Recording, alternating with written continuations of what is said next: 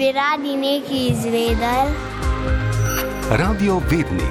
Običajni ljudje iz radia, ki so preveč radovedni. Vsi vemo, da je na začetku vsakega leta med navodili kabinskega osebja tudi opozorilo za izklop vseh mobilnih telefonov, tablic, elektronskih bralnikov in drugih zabavnih priprav. In ker ne želimo, da bi nas odstranili z letala in s tem preprečili, da bi odšli na lepše, te naprave ponavadi vsi pridno izklopimo. Potem pa se vprašamo, zakaj? Zakaj tako veliko in drago letalo ne more ignorirati poceni elektronskih naprav, ki jih uporabniki prinesejo s seboj?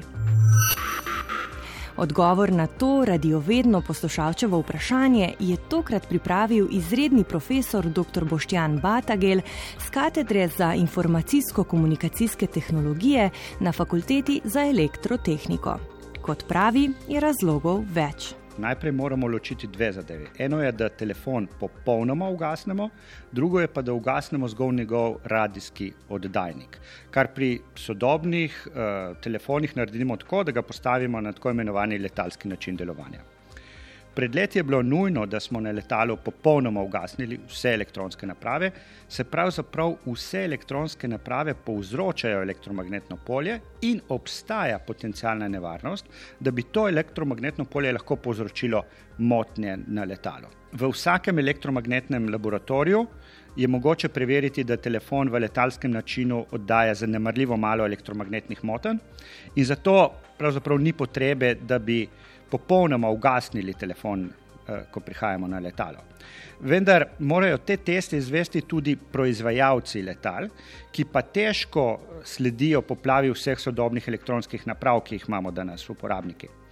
Morali bi pravzaprav narediti teste za vsak tip naprave ali imeti dodaten pregled potnikov in njihovih naprav na letališčih, kar je pa zelo nepraktično. Zato nekateri proizvajalci letal in letalske družbe eh, se odločijo za to, da potnike naprosijo, da popolnoma ugasnejo in pospravijo elektronske naprave. To je letalskemu osebju tudi precej lažje nadzirati, kot pa pogledati, ali je telefon v letalskem načinu delovanja.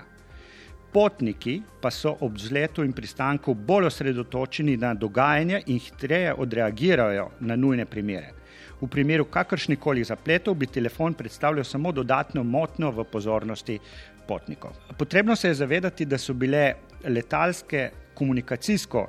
Navigacijske naprave, načrtovane mnogo preden so se pojavile vse moderne naprave, ki jih danes uporabljamo uh, uh, potniki. Zato pri načrtovanju ni bilo upoštevano potencijalno motenje teh naprav. Prvi radarski višnomeri so bili specificirani že pred več kot 50 leti. Ignoriranje moten je problem predvsem pri starejših tipih letal. Pri novejših letalih so inženirji že eh, računali s potencijalnimi motnjami, zato so na njih mnogo bolj odporna. Če telefon ne postavimo v letalski način, eh, njegov radijski signal lahko moti delovanje komunikacijskih in navigacijskih sistemov, kot so naprimer radarski višinomer ali komunikacija s kontrolnim stolpom. Posebno nevarno je, če se to zgodi med vzletanjem ali pristajanjem letala, ko se eh, vrsta ukazov o obnašanju letala izvede avtomatsko, glede na instrumentarij, ki je na letalu.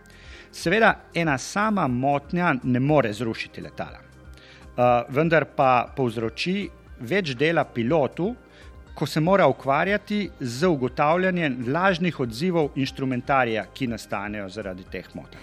Ja, po besedah našega sogovornika, domoten prihaja, čeprav naš telefon ne deluje na istem frekvenčnem področju kot naprave na letalu. Verjetnost za motenje je majhna, a še vedno obstaja. Še posebej ob izrazito močnem oddajanju ali morebitni okvari našega telefona.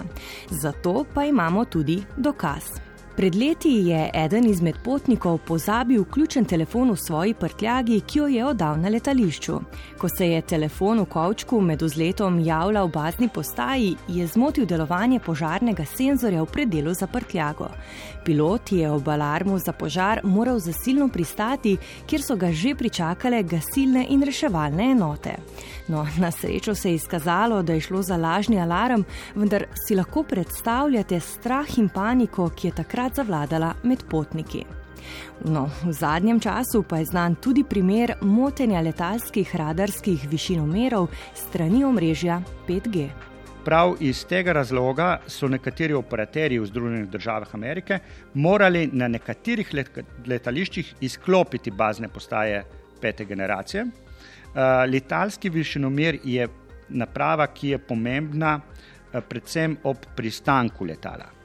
Če prihaja do motenja, bo letalo napačno ocenilo višino nad pristajalno stezo in v najboljšem primeru samo neudobno pristalo.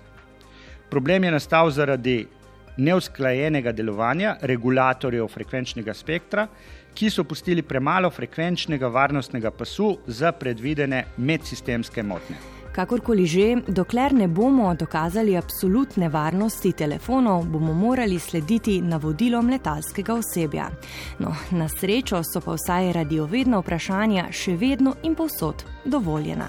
Saj veste, vi sprašujete, mi raziskujemo. Ra!